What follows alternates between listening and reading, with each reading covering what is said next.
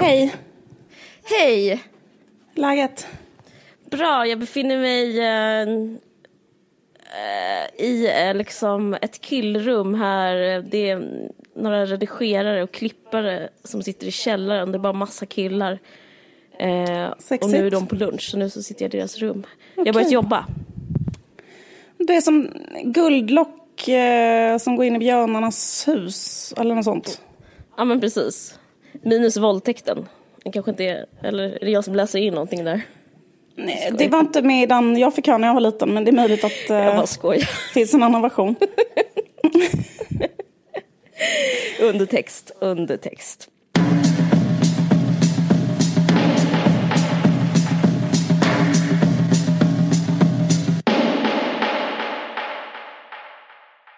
Eh, ja, vad har jag gjort på jullovet? brukar man ju fråga. Mm. undrar man ju. När man kommit. Ja, precis. Eh, nej, men jag har uh, bingeat tv-serier Mhm. och eh, film. Eh, vilket ändå, alltså det som har hänt mig i mitt liv, eh, det- alltså mitt liv är lågintensivt så eh, det här är ingen någon, det kommer liksom inte ett bråddjupt stup nu av dramaturgi. Det som har hänt mig i mitt liv är att jag har börjat jobba. Eh, så det var liksom inte jättekontrastfullt sagt men hur som helst och det jag gör nu det är att jag skriver en eh, tv-serie som heter Amningsrummet som handlar om eh, fyra kvinnor med förlossningsdepression. Ehm, det är en humorserie och eh, jag har sån fruktansvärd ångest. Eh, för det är så otroligt svårt. Och du och jag har ju smsat och jag liksom det som händer med mig, som alltid händer med mig när jag får till att börja skapa eller skriva eller göra någonting, det är två saker. Dels att jag börjar hata kritiker och det andra är att jag börjar älska produkter. Jaha. Alltså, jag älskar konst inom otroligt stora citationstecken. Jag vet, jag vet. Så att jag får så stora upplevelser. Alltså, min nivå, hur jag mäter en verkshöjd är att någon har gjort något. Ja. Så att eh, jag liksom allt, det är faktiskt ett väldigt underbart se, sätt att liksom se på tv för då tycker jag då kan jag vara så här rörd över kameramannen i, har stått så länge och eh, fokuserat så bra vinkel på Sven Melander i Stjärnorna på slottet och så kan jag vara så här fnissa typ så här över någon rekvisita detalj och alltså det är ett sätt att verkligen att ställa sig i det underläget som jag gör när jag börjar i min skrivande fas är eh, starkt. Men, eh, och jag har fått, men jag tror jag har rätt. Jag tror jag är objektiv i en bedömning och det är att jag har sett den här nya serien som heter Marvelous Mrs Maisel gjord av paret, det är så sjukt att vara ett par och skapa. Eh, men de, eh, vad fan, Amy, nej jag måste, vänta allihopa.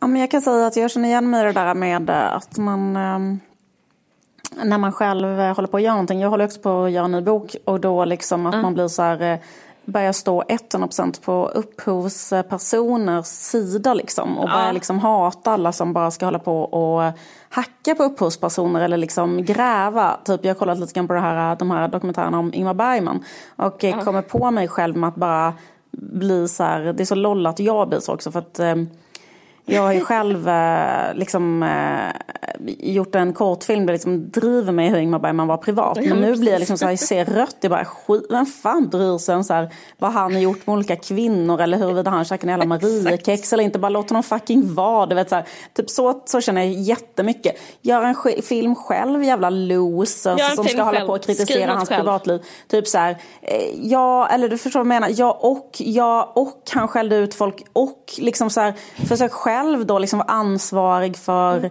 eh, hela Mm. Sätt upp uppsättningen av Per Gynt och liksom samtidigt vara jättesnäll mot någon som har satt ljuset på fel ställe. Alltså, eh, det kan ju inte vara. Liksom. Så därför så får man nästan välja. Liksom, så här, vill du att han ska göra den här fantastiska konsten eller vill du att han ska gå runt och vara snäll mot varenda jävla käft han träffar? Det kan han ju inte vara. Exakt. Eh, så- och så- om man gör något dåligt, om man gör en dålig film, men det är jättesvårt att göra film. Ja. Så, det kan man inte göra ett stort nummer av heller om någon har varit dålig. Nej. Alltså det blir så himla o... Nej. så jävla jobbigt. Nej, jag vet, jag vet. Låt folk vara lite dåliga Ja, också. jag vet, Alltså, men också, eller typ så här, du själv hade inte kunnat göra, eller typ så här, ja men vad duktigt av dig, nej men vad duktigt av dig lilla journalist att se att det här var dåligt. Det var jätteduktigt gjort. Det var jätteduktigt gjort. Men du skulle själv ens aldrig sätta kunna upp göra en någonting som var till kamerastativ. 10% så bra som det här som är det sämsta han någonsin har gjort. Alltså, Nej men exakt, exakt. Uh, med det sagt så är jag inget stort Bergman-fan. Men i alla fall, det jag har sett är eh, en eh, ny serie av skaparna till Gilmore Girls. Och eh, det, hon är, som har gjort den heter Amy Sherman Palladino och hon är ihop med en annan kille som också heter Palladino. Eh, men det är så jävla intressant för den här nya serien den heter Marvelous Mrs Maisel och den vann alla Emmys, alltså bästa regi, bästa story, det bästa manus, bästa huvudroll. Eh, och sen så igår var det Golden Globe-gala, den vann alla Golden Globe också. Och det är så jävla, inte alla, men det bästa, alltså tunga, bästa huvudroll och sådär. Eh, Rachel Brosnahan heter hon som spelar huvudrollen. Eh, men så, och jag var helt hooked och såg den här på jullovet. Den handlar om en kvinna på 50-talet i New York, en jud, mycket så här judisk kultur, eh, som ska försöka breaka som stand-up komiker i New York. Eh, och den är så jävla bra. Och eh, det handlar också om, dels handlar om det, ett annat spår är att bryta med normen kärnfamiljen. Eh, och eh, så bara började jag googla som besatt som man gör. Man googlar på folk som, längd och vikt och vad de gjort innan. Alltså för att det är så bra. Och så kom jag fram till att, då att jag fattade inte att det var samma upphovsmakare som Gilmore Girls. Och eh, att det är en kvinna som har skrivit alltihopa. Eh, men så grejen med Gilmore Girls, det finns nästan ingen serie som har varit lika, jo Sex and the City, men annars är det liksom Gilmore Girls som har varit så otroligt stor succé. Drama, alltså i dramagenren. Eh, och så tänkte jag, som Carrie i Sex and the City. that made What me if- think.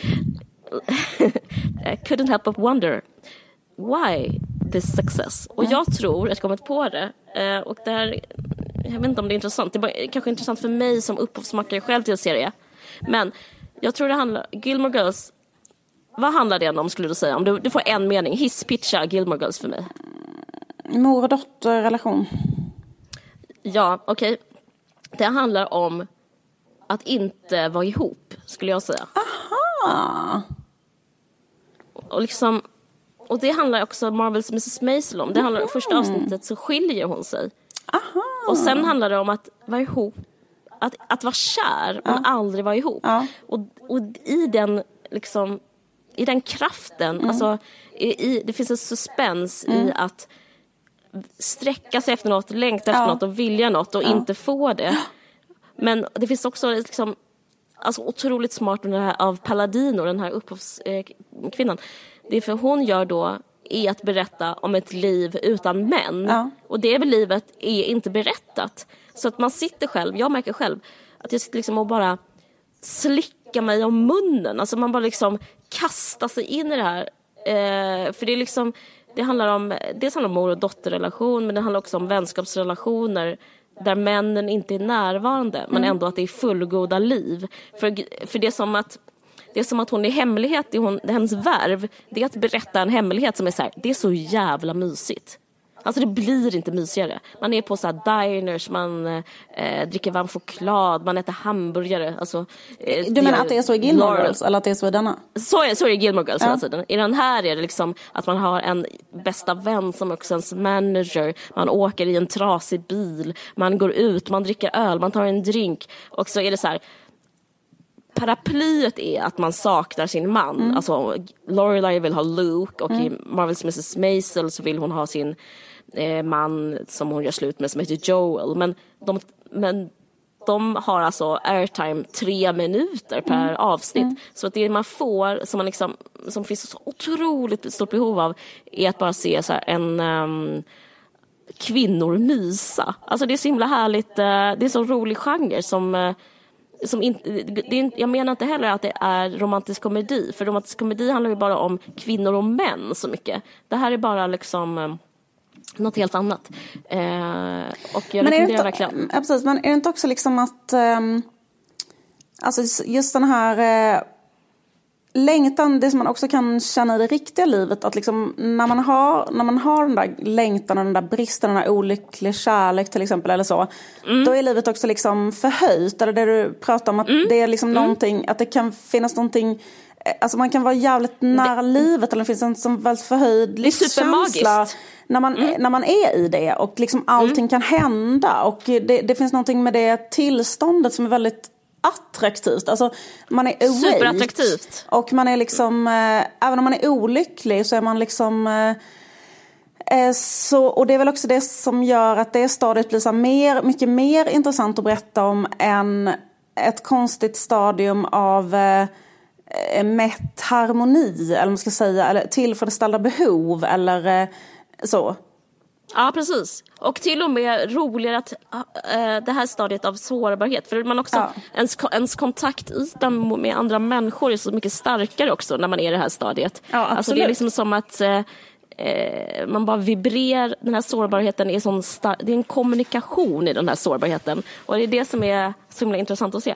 För om man tänker så på eh, romantisk, så Pretty Woman, en jättekänd romantisk komedi, ja. så är det liksom det man ska tvingas igenom där det är att de ska gå på opera, de ska vara i ett hotellrum, de ska, alltså det är så jävla trist. Här är det bara eh, en människas eh, inre som man får total tillgång till.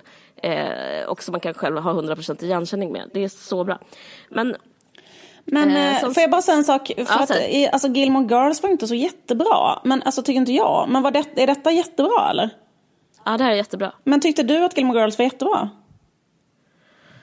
Mm, ja, ja, men jag tycker det var bra. Det, det, det som, det, var, det som hade, hade en dålig, det hade en brist och det var att alla karaktärer hade samma tyngd.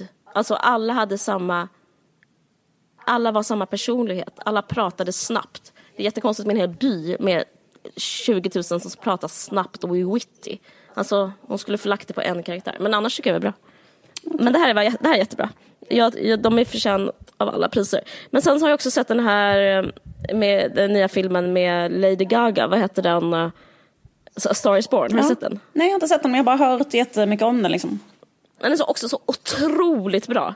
Mm. Och eh, allt det här. Och jag, jag, jag är liksom otroligt besatt av eh, Bradley Cooper som har gjort det här.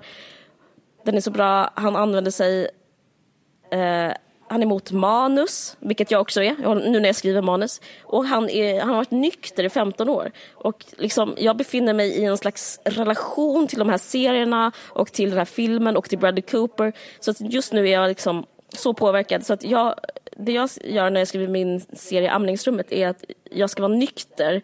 Som, för, för Bradley Cooper var nykter när han skrev den här. Mm. Och sen ska jag också ta med det här med att Eh, första, det, det, börjar med att de gör slut i första scenen.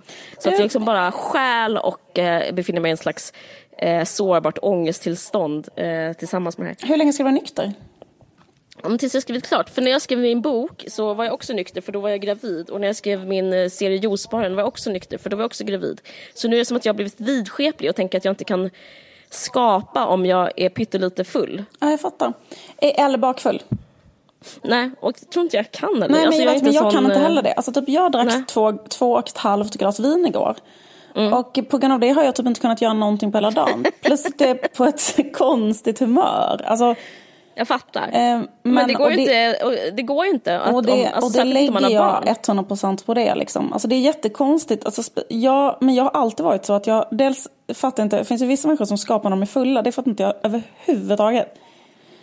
Och sen så en annan grej är ju att um, kunna skriva när man är bakfull. Eller bara det att man har druckit liksom ett eller två glas vin gör tycker jag att man typ inte kan skriva nästa dag. Nej men jag ska vara nykter hela våren förutom två gånger då jag ska på gala. Okej.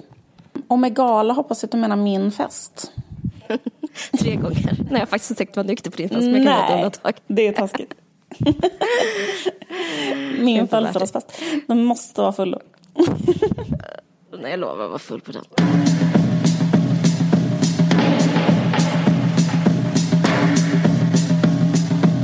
Vi har inlett ett uh, nytt samarbete med Nextory. Kul! Nextory har ju både e-böcker och ljudböcker.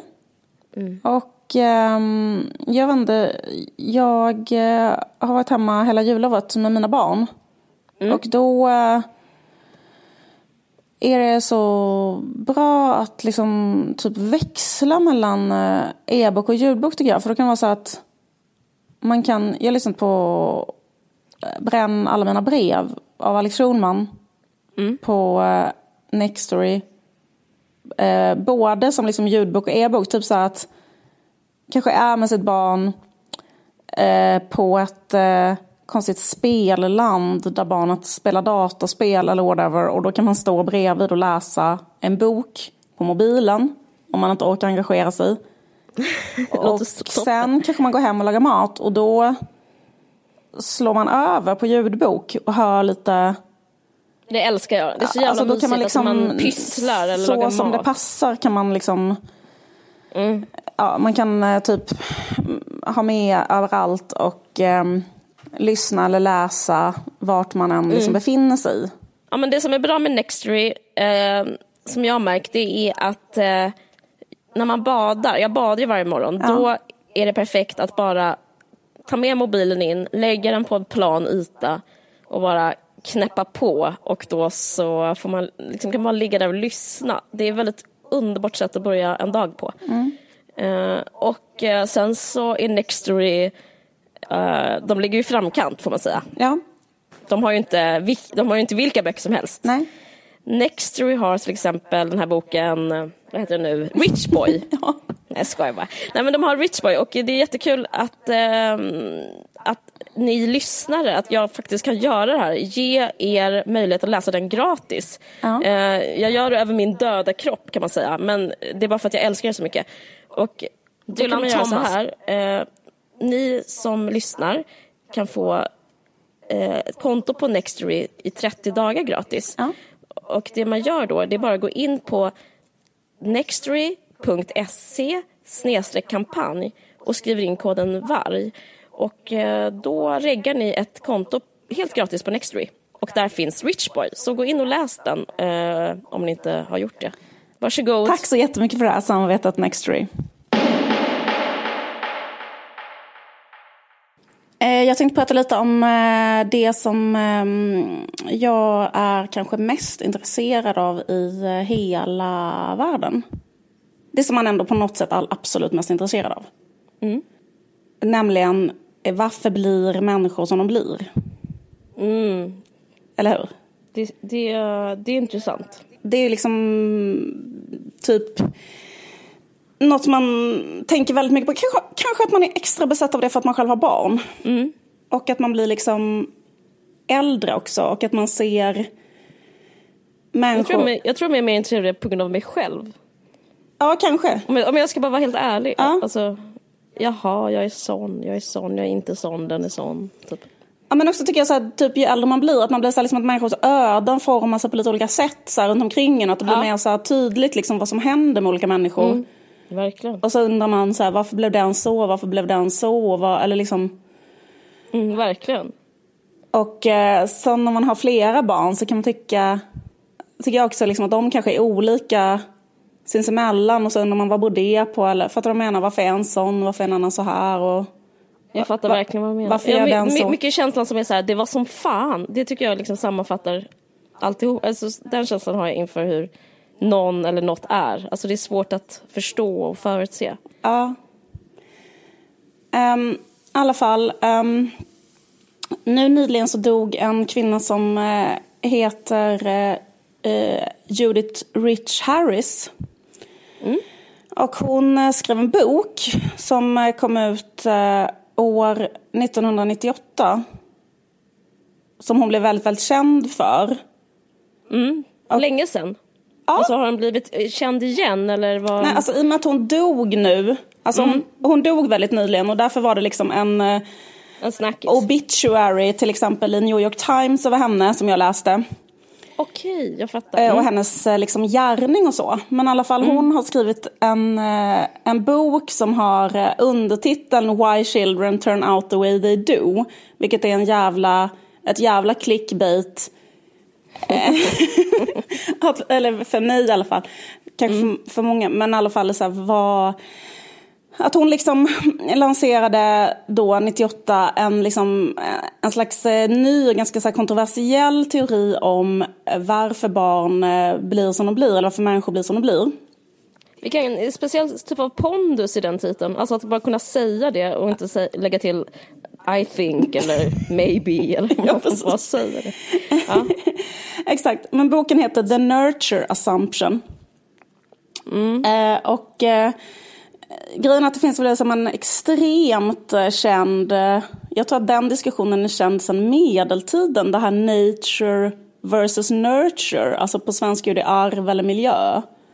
Ja, visst. Eh, och eh, att folk alltid pratat om det så här, eh, vad är genetiskt arv och vad är miljö liksom. Mm. Och så går det upp och ner och så är det massa olika så här, politiska eh, ideologier som influerar det, vad man tror och hit och dit liksom. Men eh, jag tror typ att nu att folk är så här, fast det här tycker jag också är så jävla konstigt hur folk kan vara ense om det. Men vad jag har förstått när jag läst om det så är folk numera mm. ense om att det är ungefär 50-50 arv och miljö. Men, men på medeltiden pratar man väl inte om det? Är det inte från Freud typ? Är inte det ett nytt? Alltså vet du att jag läste en artikel på Wikipedia som heter Nature vs Nurture. Då står det så ja. att, då, att den diskussionen har funnits liksom sen 1500-talet typ. Okej, okay. de rika personerna kanske. Men okej, okay, okay. ja men absolut. Det, jag bara blev förvånad. Ja. Eh, jag trodde det var liksom en, en grej som handlade om att så här, när människan hamnade i fokus. Att innan så var man bara en jävla... Jag vet inte. Jag läste för väldigt slarvigt. Så jag kan okay. ha fel. Ja, nej men jag bara blev intressant. Jag har bara ja, ögnat igenom. Eh, ja. Men jag tycker det känns lite som teodicé-problemet. Eller för att de menar typ så att det känns som någonting som har Ja, men folk har liksom suttit och bjäbbat om så här, vad beror det på att någon, alltså, eller jag tror inte att... Jag tänker att det är ett sätt att se sig, att, att från att liksom se sig själv som böjd nacke inför Gud ja. och när man, som, så, när man kommer på att det är inte Gud som är viktigast utan det är människan som är viktigast. Då börjar man liksom, eh, liksom kaxa sig och få idéer om att... Det, det tror jag för sig, det, det, tror jag verkligen stämmer. Så jag har säkert läst fel i den uh, artikeln. Det tror jag verkligen inte du har. Jag bara blev genuint intresserad Nej, av att... men jag tror verkligen du har rätt. Alltså jag tror att jag skulle gissa, källa feeling, att det man trodde mm. på svinmycket innan var ödet. Det är det jag menar, ödet slash alltså, gud. Ödet som något väldigt mystiskt som är skrivet i stjärnorna slash styrt av en högre makt såklart. Ja, man tänker också på typ antika Grekland handlar varenda myt om ja. att eh, gudarna en människa får hybris och det betyder att de höjde, de, alltså de började ja, kanske tänka exakt, så här, vem, de började tro att de kunde ändra vem, sitt öde och så Ja, de tror man kan ändra sitt öde och då ska man bli straffad. Alltså det är så här sensmoralen. Så det känns som att det var liksom inte comme faut. Men, men, vad vi, men det är ju tidigare. Men än, ödet är ju liksom den tredje kan man säga teorin då. Ja. Man säger arv, miljö och sen har vi ödet. Det är förmodligen det som stäm, det är förmodligen det som är sant. Eh, men, men tror du inte? Det tror jag Nej. egentligen. Men vi kan, för, för samtalets skull kan vi fortsätta prata om arv och miljö. ah, Okej, okay. fortsätt. Um, alla fall. Hinduismen tror ju fort, alltså folk tror ju fortfarande på det här. Vad sa du? Jag sa hinduismen. Bra sagt Caroline. Fortsätt. Jättebra. Men i alla fall, du, det... Um, Eh, men det som, eh, det, som, det som man tydligen då är, är liksom överens om då, vad jag förstod när jag liksom bara ögnade igenom skit på internet.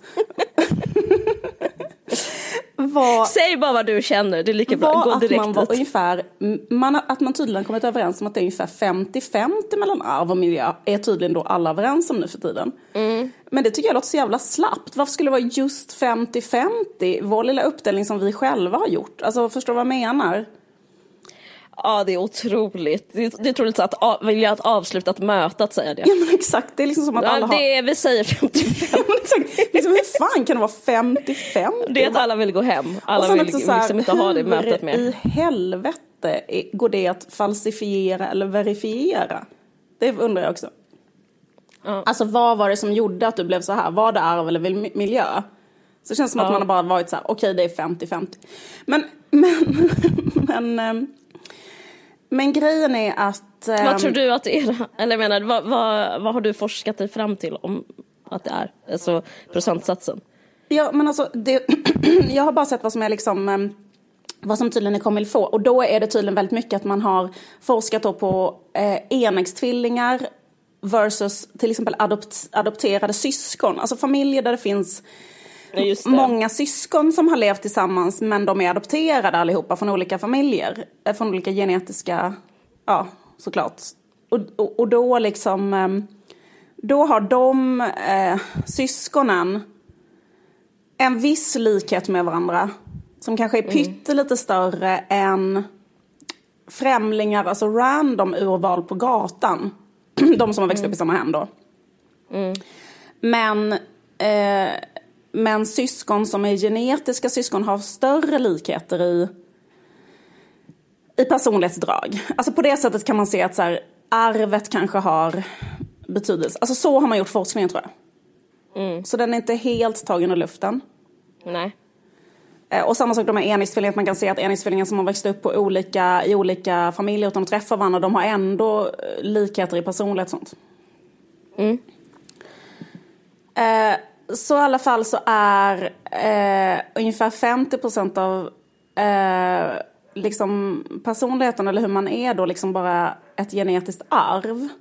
Mm. Och 50 procent säger man då är miljö. Men då kan man liksom skilja på två olika slags miljö. För när man säger miljö då tänker man så här, ja men det är hur man hade det liksom i sin familj. Mm. Men då finns det så här äh, individuell miljö som är hur, hur just man själv har haft det. Och så mm. finns det gemensam miljö som är hur det har varit i familjen. Så här, om man tänker en syskonskara mm. så har liksom inte de syskonen haft samma miljö. Nej gud nej, man har olika upplevelser. Ja, och också att, man, att det händer en olika saker. Alltså typ att man kan vara med om så här, trauman till exempel. Alltså en kan vara med om trauma.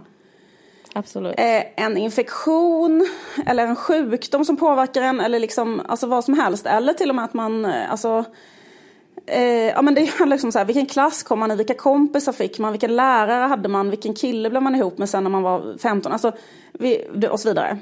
Mm. Och, och vilka trender fanns i samtiden? Liksom, vad, vad fanns det för tidsanda typ? Och den kan ju ändra sig ganska snabbt. Jag kan sig syskon som är fem, sex års skillnad mellan och så, och så vidare. Liksom kan växa upp i två olika typer av eh, tidsandor och så vidare. Mm. Och det som Eh, hon menar eh, då, Judith Rich Harris, det är liksom att föräldrarna typ inte påverkar barnet alls. Hon menar typ, eller föräldrarna påverkar dem fram tills, alltså från de är små. Men hon menar då att typ ehm, det som är absolut mest avgörande det är liksom kompisgruppen eller den här då liksom individuella miljön. Alltså 50% gener och hon menar typ 50% eller 45% är individuell miljö. Mm. Alltså avgörande för vad? Avgörande för hur man ja, blir? hur man blir. Men inte för hur man har det? Alltså, eller vad man ska säga, eller? Um, nej, alltså i hennes, hennes eh, forskning inom citattecken, för att hon, hon ja.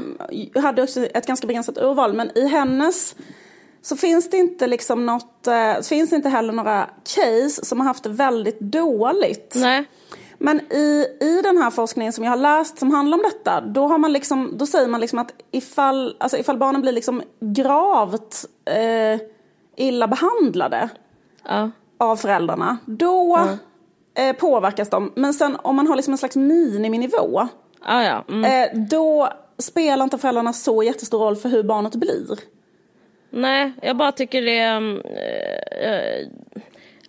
Jag bara undrar över ordet bli, alltså, men alltså mår och bli är liksom eh, vad, vad är blir? Alltså förlåt, jag, vill, jag vill egentligen inte komplicera det. Jag bara, jag bara tänker, vad betyder blir? Är det liksom hur man ter sig i världen då? Eller? Ja, det är en jättebra fråga. För så här, vad fan är en personlighet och så vidare?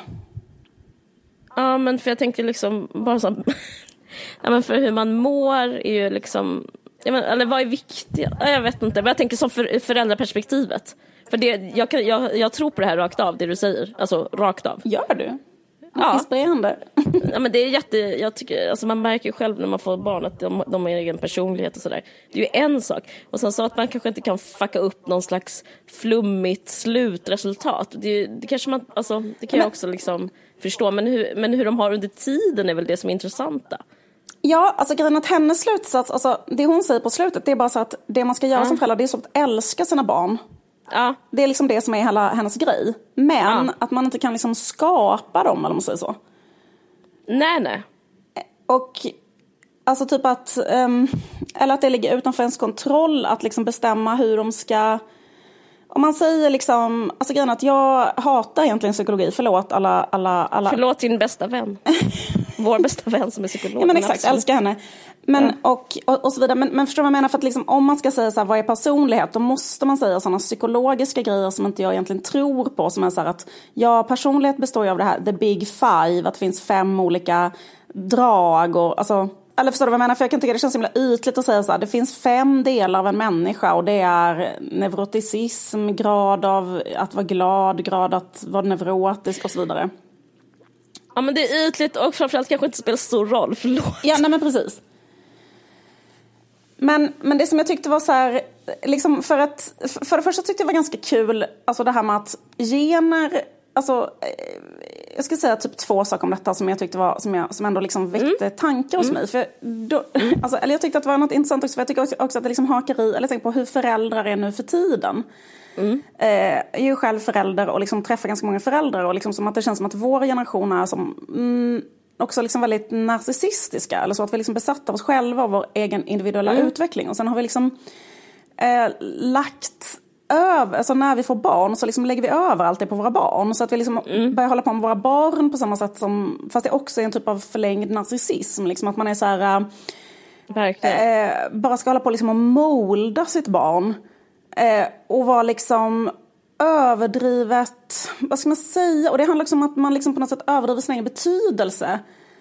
Mm. För att man är så besatt av sig själv. Jag tror, inte, jag tror inte alla, jag tror du och jag är så, men jag tror väldigt många, jag, min största upplevelse av att vara förälder är att folk är så väldigt lite. Men att, ja, men att vi är det väldigt mycket. Ja, men är det inte så bland liksom medelklassföräldrar, fellow medelklassföräldrar, att de är besatta av, sina, av liksom att göra rätt med sina barn och göra olika saker med sina barn? Alltså typ att så här... Nej, det vanliga är att skita i sina barn, det är det vanliga. Va? Ja. Jag skulle kunna name names nu. Alltså inte, jag pratar inte män, jag pratar om kvinnor. Ja, intresssant. Uh, ja. Och du kanske har rätt, men jag upplever ändå... Ja, men jag vet att du upplever det och jag håller med dig för att jag är sån och du är sån och många vi känner. Men jag, jag, jag skulle säga att det, det är ännu vanligare att bara skita i barnen. Okej. Okay. Om man är en narcissist.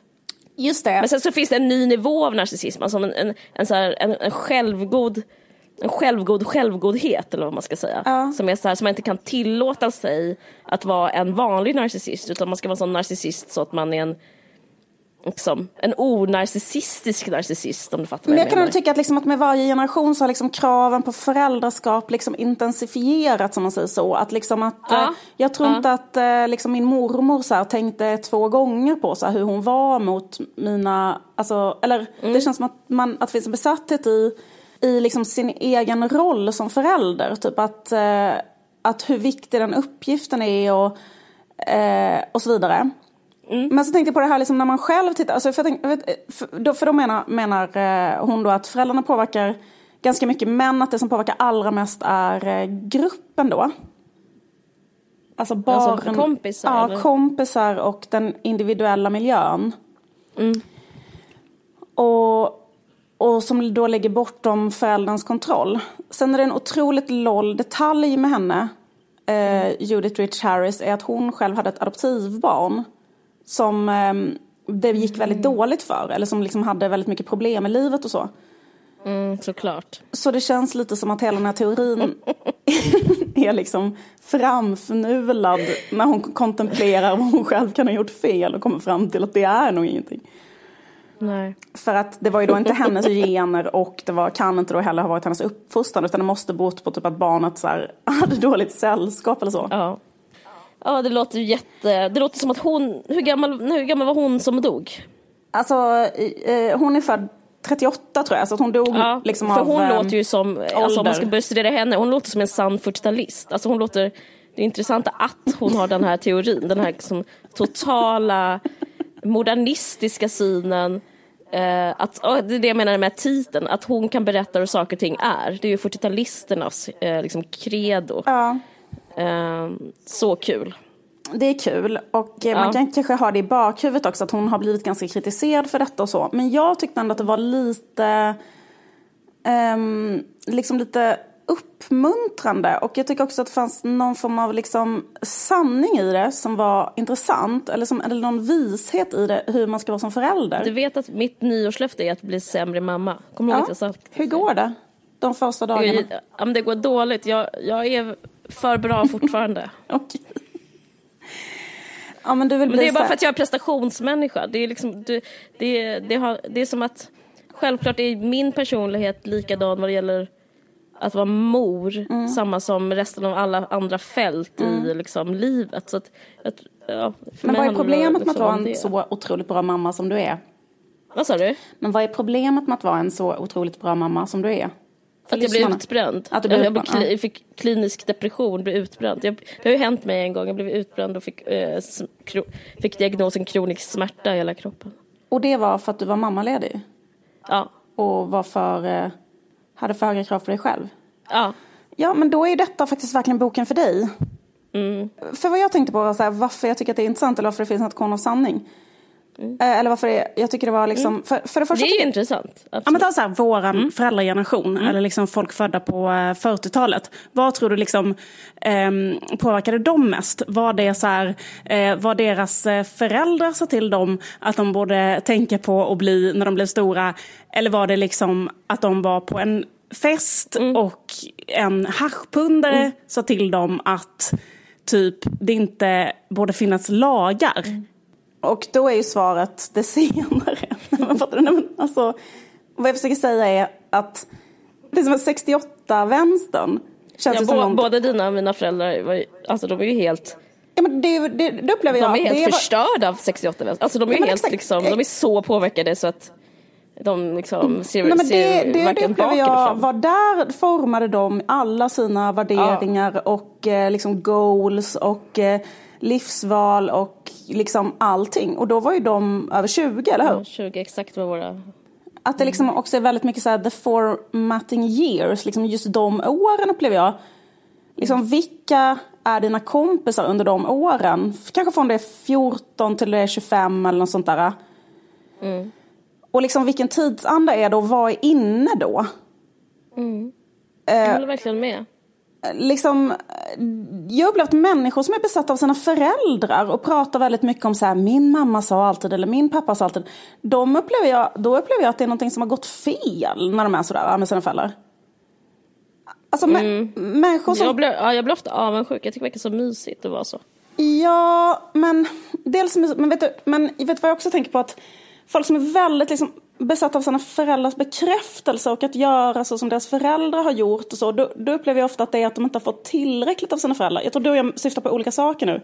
Okej, okej. Men jag, menar, så här, som bara... människor typ- som är väldigt besatta av sin egen släkt. Alltså, Säg, säg en sån person som Alex Schulman till exempel. Alltså typ varför han är så, han, det, ja, men, jag har precis läst den här boken Glöm mig. Och då pratar han om sin mamma som ju var alkoholist och inte kunde liksom ge honom fullständigt. Och då upplever jag att han liksom har en, en hang på sin mamma och vad hans mamma tyckte om olika saker, vad hon brukade göra och säga. Som blir liksom starkare för att han liksom inte har, för att det har varit något där som inte har varit bra. Och liksom i en lyckad uppväxt så har man liksom släppt sin mamma vid det laget. Då är, då är mamman och pappan bara några människor, random människor som man delar hus med. Jag håller inte med.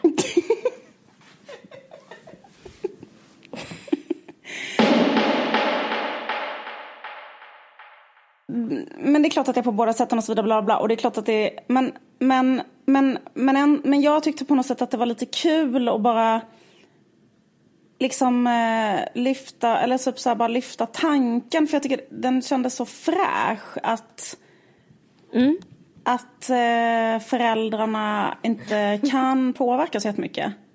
Ja. Och att inte ens egen, så här, hur man är beroende så jättemycket. Alltså jag vet inte.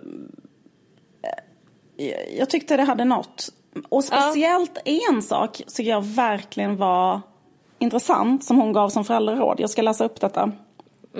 The, the parents have limited control over the child within the peer group. But one way they can influence peer group status is by making sure their children look normal and attractive.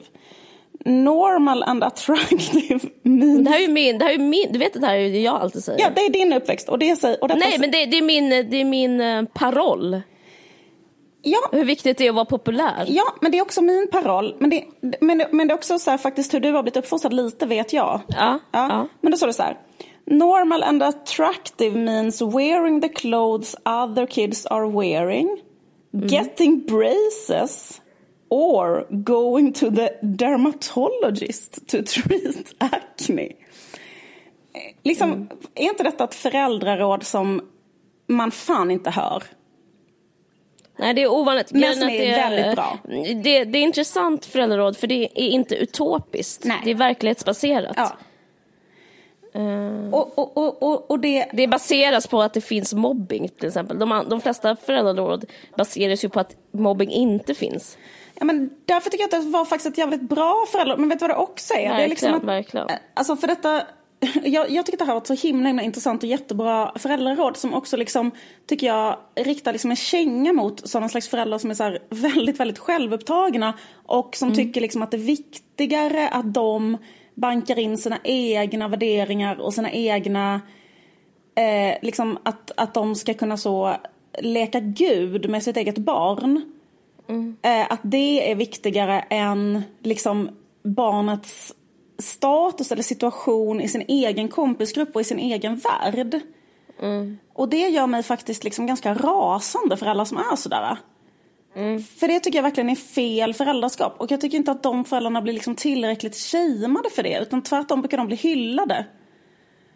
Och med det menar jag föräldrar som till exempel är så här, har en egen värdering om någonting. Till exempel mm. hurdana kläder, alltså kanske har typ en egen god smak. Mm. Och bestämmer då att barnen ska ha de kläderna som är förälderns smak eller som andra människor, andra vuxna människors goda smak. För att mm. eh, eh själva få hög status i relation till andra medelklassvuxna till exempel. Mm.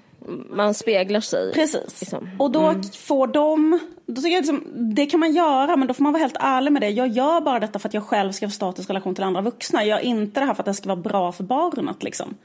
Utan mm. istället så får mitt barn betala ett pris som är att se ut som ett miffo i en kompisgrupp. Mm. vad är det för jävla töntiga föräldrar? Vem gör så? Det liksom känns jättesjukt. Föräldrar gör så. Mm. De ska stenas de föräldrarna.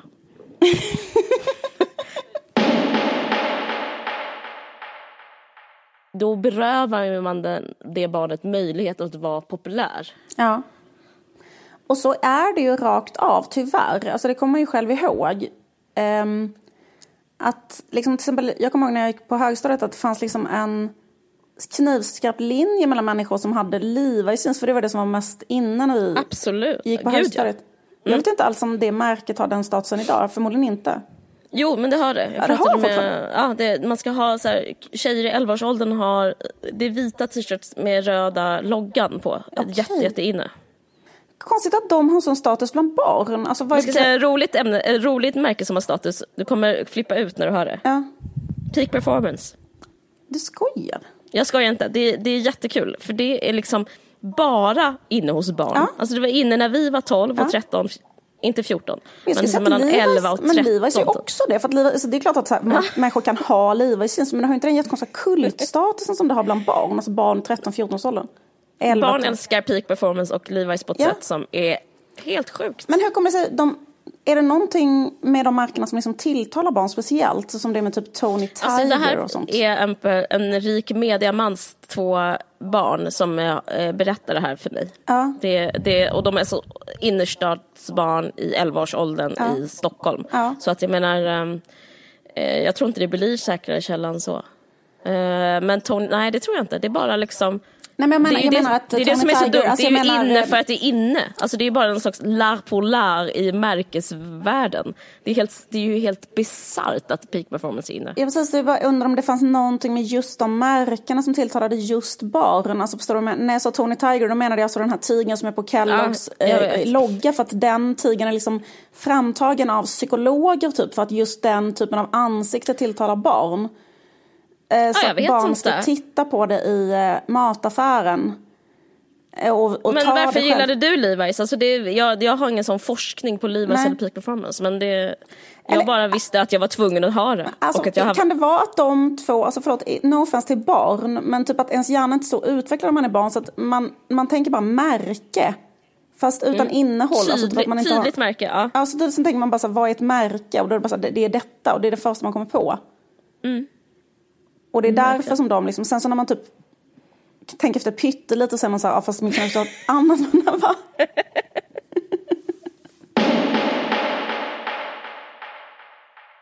Det som jag minns på högstadiet var så att de som hade Levi's jeans, alltså det är ändå ganska intressant, för att de som hade Levi's jeans kunde bli ihop med andra människor. Och de som inte hade Levi's jeans kunde inte bli ihop med någon. Alltså, så, så det var liksom, eh, eh, det, det signalerade fackabilitet eller liksom, fast man kanske inte låg med, man hade, liksom, alla gjorde nog inte det i alla fall, men det var liksom, det, det, det var liksom, då kunde liksom, Men de som, de som inte var töntar gjorde ju det. Alltså, de som inte var töntar hade ju jeans och låg med varandra. ja precis, men, men att det, det signalerade att man var eh, alltså tillgänglig på en marknad. Ja, verkligen. Och det andra signalerade att man inte var med på marknaden. Nej, det är sant. Så att om man liksom inte hade de jeansen då kunde man inte vara med i liksom, eh, i, då kunde man inte få kärlek alltså av en medmänniska. Absolut. Ja men absolut, 100 procent. Så, så, så, så det har blivit väldigt liksom hårt prisat under tre år, vilket är lång tid liksom, i ett barns liv. Eh, inte få liksom, vara nära en annan människa, alltså inte få uppleva alltså, det, är, det är jättegrovt, men det är ju så. Ja men det fanns ju sätt för barn. Alltså, eh, det, det fanns ju Rocco Barocco, det finns ju liksom, det Nej, fanns men- en svart marknad. Ja, nej, nej, man jag skulle ju säga dit. absolut nej. Alltså, för, min erfarenhet var att det inte var så. Att det fanns bara det att man hade livsnit. Så var det i alla fall på min skola. På Nej men, men, nej, jo, nej men du har rätt. Men, Ja. men att jag menar, för det handlar ju om vilka, de rika barnen var populärast och, de, och liksom, eller Ja. de svenniga rika. Men det fanns ju en svart marknad i Malmö. Åkte inte du in Jo. och köpte liksom Levi's jeans Eh, Precis. som var fake Levi's för 100 kronor bara? Exakt. Eller det fanns sådana som var defekta. Som var, och hade Ja. avklippt lapp och sånt. Mm, så man hade liksom, man var ändå med i eh, vad heter det, andra chansen så att säga. Det fanns en andra chans, exakt. Men, Ja. men det var också så här, nästan vilket ras som helst som hade fått på sig dem. eh, Fick ju en snygghet som var ju, alltså eller fick en, alltså det var ju jättekonstigt. Alltså, att men man, man kunde vara hur ful som helst, ha på sig på Levi's jeans och då bli snygg. Så det var en röv du hade där.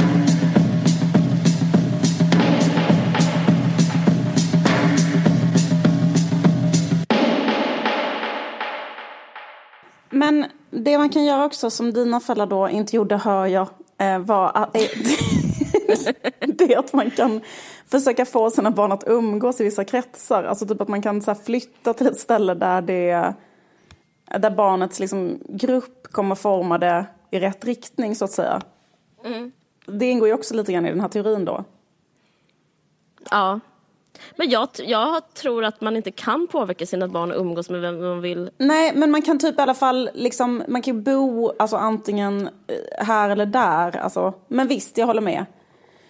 Jag- tror verkligen att det är ett misstag också att försöka flytta till ett lite så rikt område om man inte riktigt är det själv. För då tror jag att man kommer bara att eh, fostra barnet till att känna sig så här. Eh, det tycker jag att man har hundra exempel på. Så barn som var det fattigaste barnet i Bromma och sånt. Och då blir man liksom får man liksom, Det är- formar man en men pose Det är utifrån en det. helt sjuk genre av människor. Ja, gud ja. Nej, men, det, men det är inte bara...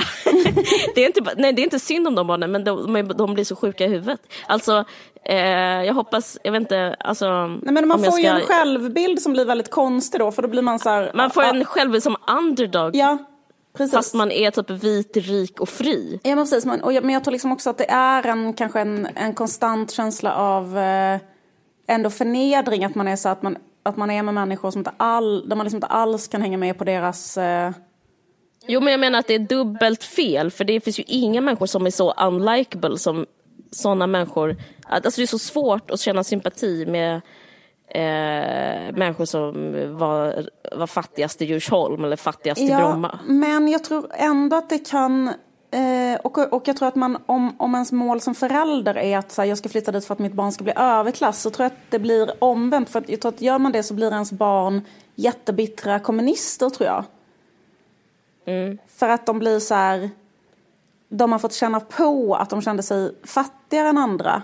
Mm. Eller att det är en ganska vanlig grej att man blir så istället. Att man får, för man har känt, fått känna av att känna sig som smuts jämfört med andra människor på bara skinnet och det glömmer man aldrig bort sen. Eh, jag vet hur de blir för jag umgås jättemycket, um, umgås med sådana själv. Det är liksom jättesjuka typ av människor. Det är jätteprivilegierade, jättesjälvupptagna, självömkande människor.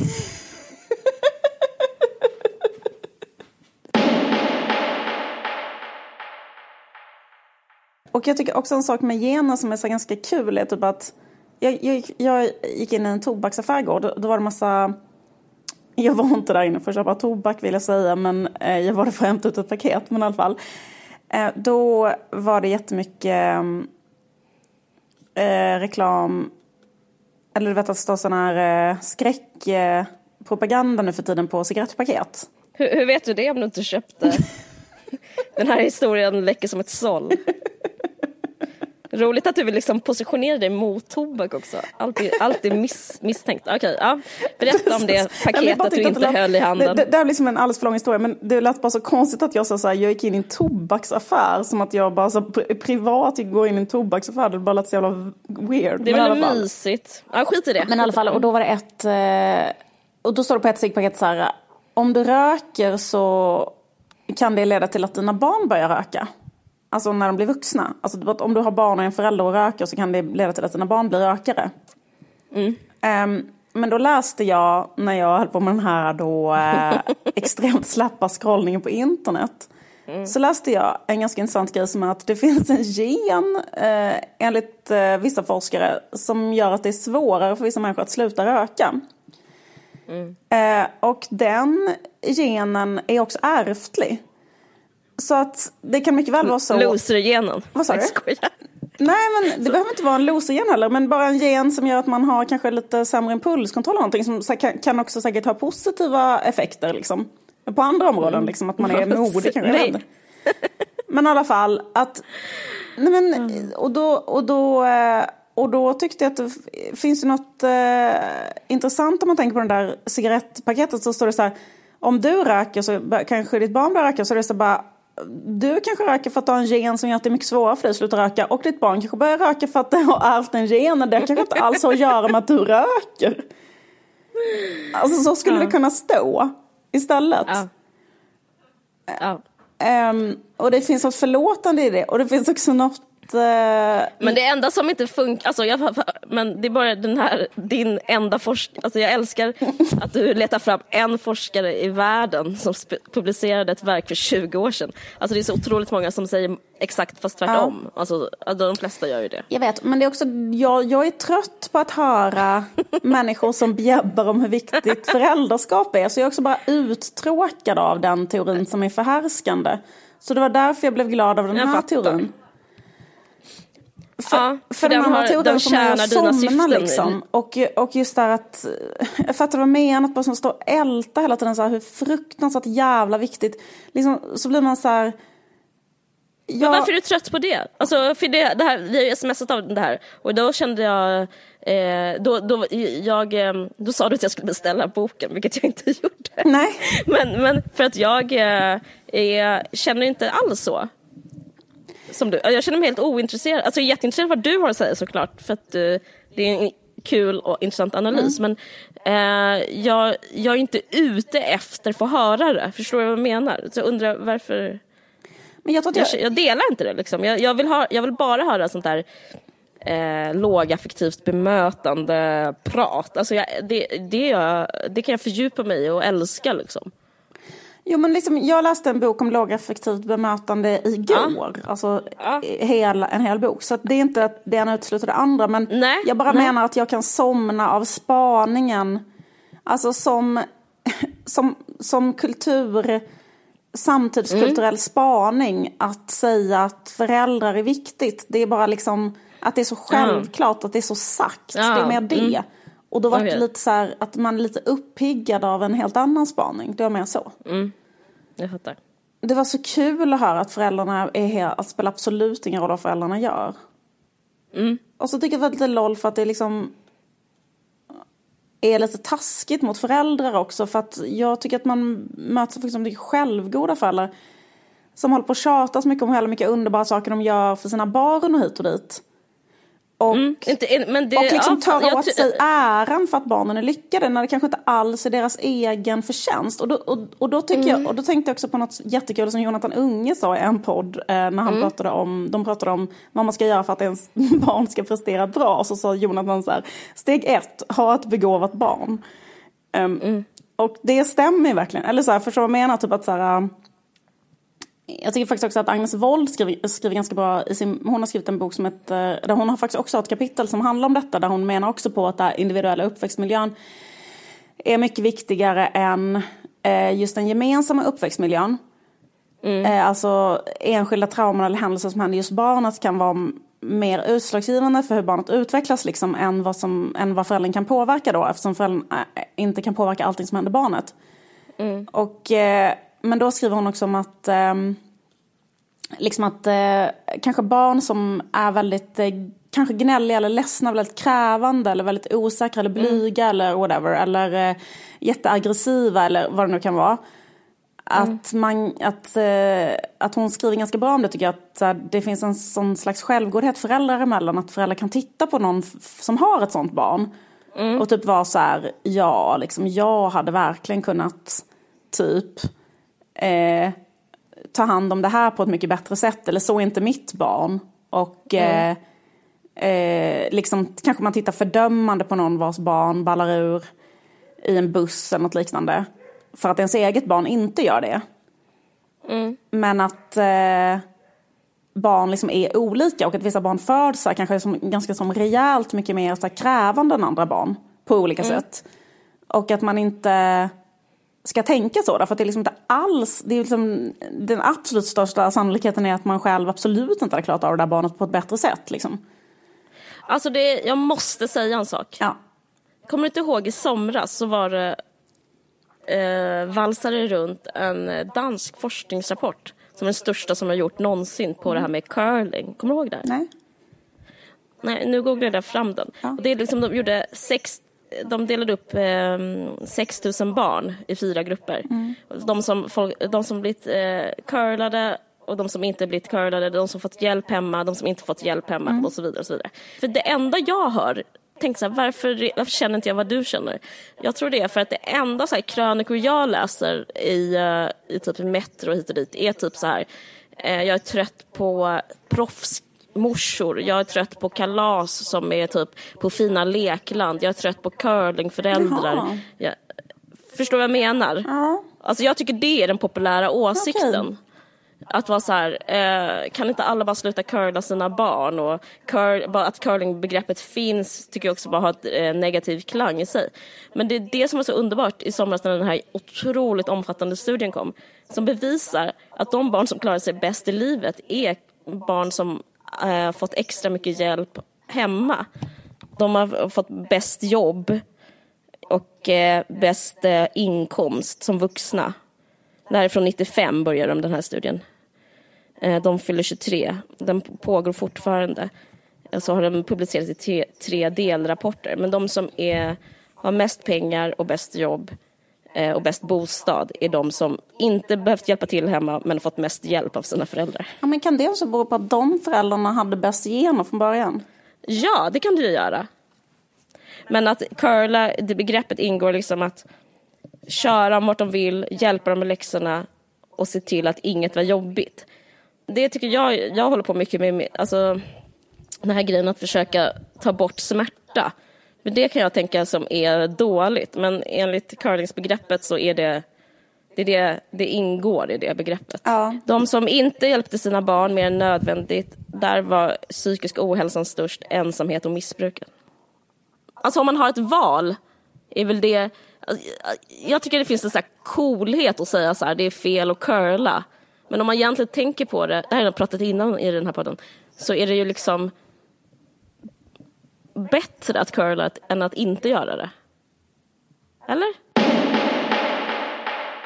Men det som är med den här teorin är ju också att den säger att liksom föräldrar inte kan lösa sociala problem till exempel via uppfostran. Alltså till exempel så här, bor du i ett utsatt område och har barn och inte har råd att flytta därifrån och då har du liksom inte eh, möjlighet, alltså så, det, det, spelar ingen roll så här, hur bra värderingar du själv har eller hur mycket du säger till ditt barn att så här, det är fel att eh, eh vara kriminell eller så. För att så här, är ditt barn i en, eh, i en kompisgrupp eller en situation där, eh, där eh, där det är liksom eh, gruppens eh, normer råder så har du så upp väldigt, väldigt, väldigt lite inflytande över det som förälder. Vilket gör att man istället för att hålla på och tjata om att så här, föräldrar ska uppfostra sina barn så måste man göra liksom breda så här, sociala förändringar i samhället istället. Så det är ju en eh, aspekt av naturen som är bra tycker jag.